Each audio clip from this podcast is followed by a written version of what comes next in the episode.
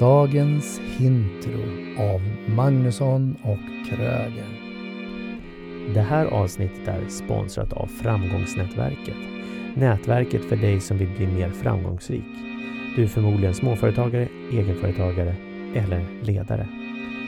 Hör av dig via info framgångsnätverket.se. Skippa prickarna. Dagens intro tillsammans med Lars-Johan Åge som har skrivit boken Happy Happy, fem steg för att komma överens med vem som helst.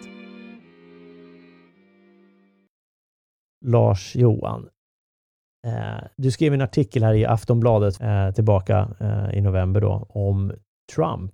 Att, att det är många som tar efter honom Mm. och risken med det. Berätta. Ja, det låter ju inte särskilt trevligt, eller hur? Men, men eh, Det beror ju på vad man tycker om honom i och för sig, men ja, spontant. om vi kan säga hans förha- förhandlingsstil. Just det. Eh, det har faktiskt visat sig i experiment att när han visar sig väldigt mycket i media Ja, och när han är väldigt aggressiv mot andra, okej. då tar människor efter honom utan att de tänker på det.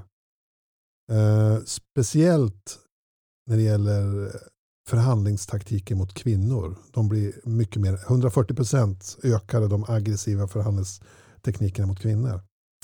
Man Okej, gjorde- så, så, som jag förstår det rätt då, så att män i det här fallet då, Ja, antar jag då, som, som har då sett Trump ja, på, på, mycket på media, på tv Ja. och så vidare.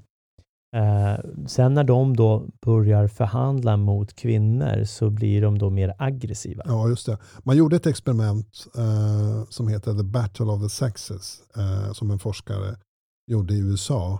Alltså eh, kampen mellan könen då? Eller? Ja, precis. Där hon satte ihop då par, män och kvinnor. Ja. Mm. Och de fick till uppgift att dela på en 20 dollars sedel. Ja. De skulle komma överens om vem som skulle få 15, vem som skulle få 5. Och om de inte kom överens, då var de tvungna att lämna kvar 20 kronor sedeln, 20 dollars sedeln på bordet och gå därifrån. Mhm. Och var det med, alltså, gifta par eller par som Nej, kände de varandra? parades ihop bara. Ja, det var helt okända Ja, och det här gjorde man alltså vid flera tidpunkter, regelbundet, det här experimentet. Aha. Och mätte resultaten. Och när Donald Trump hade visat sig mycket i tv efter presidentvalkampanjen eh, 2016 så såg man en stor förändring hos de här Mm. paren. Mhm. Hur de, hur de talade till varandra och framförallt hur män pratade till kvinnor. Så den, den eh, slutsats som forskarna drog det var att de hade tagit efter Donald Trump. Så risken finns alltså att media som rapporterar om Donald Trump Mm. skapar Donald Trump-kopior. jag, bara, det- jag ser folk ser ut som Donald Trump. Ja, okej. Ja, men Alltså, beteendena då? såklart. Det är ju besvärligt. Det inser de flesta, det är besvärligt. Ja, Eh, verkligen. Och, och en annan sak som framkom i det här experimentet det var att de som misslyckades att komma överens, de ökade också. Mm. Så att de, antalet Aha. dåliga förhandlare blev större. Okej. Den är ju intressant.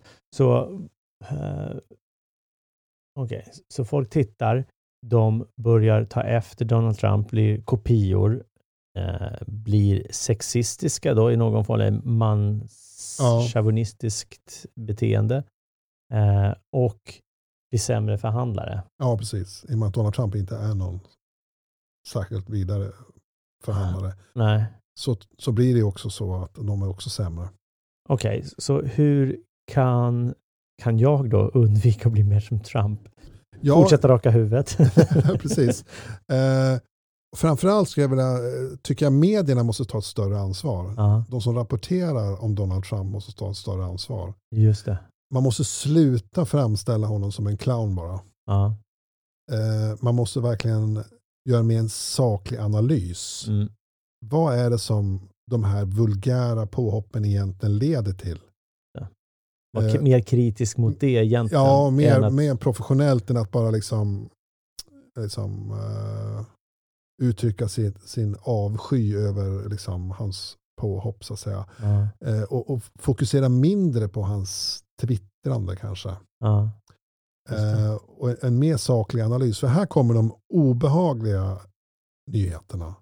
De riktigt obehagliga nyheterna. Och det är att forskare som har studerat fascism har konstaterat att om man använder väldigt överdrivna vulgära uttryck då frikopplar man förnuftet hos åhörarna. Mhm. Alltså åhörarnas förmåga att sakligt granska det du säger sjunker dramatiskt. Om du använder vulgära... Överdrivna uttryck, Okej. precis som Donald Trump gör. Och jag menar alltså inte att han är fascist på något sätt, Ja. men det är alltså någonting vi måste vara, eh, vi kan inte bara vifta bort det här som, just ett, som ett skojigt clownbeteende eller en, en narcissistisk personlighetstyp, utan vi, media har en skyldighet, tycker jag, att granska det här eh, och, och, visa på vad som egentligen pågår. Just det.